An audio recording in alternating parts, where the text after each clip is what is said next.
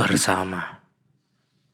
Ketika semestaku mulai menyempit, tersederhanakan lalu berporos pada satu titik, mengorbit satu objek yang begitu sangat spesial.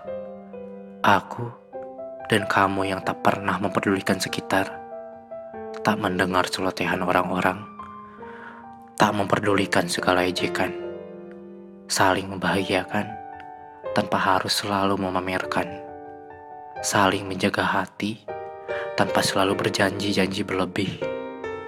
Sejak mediaku dalam mendefinisikan indahmu, lalu serangan senyum lepasmu, buatku mati lemas, terpukau oleh sang paras.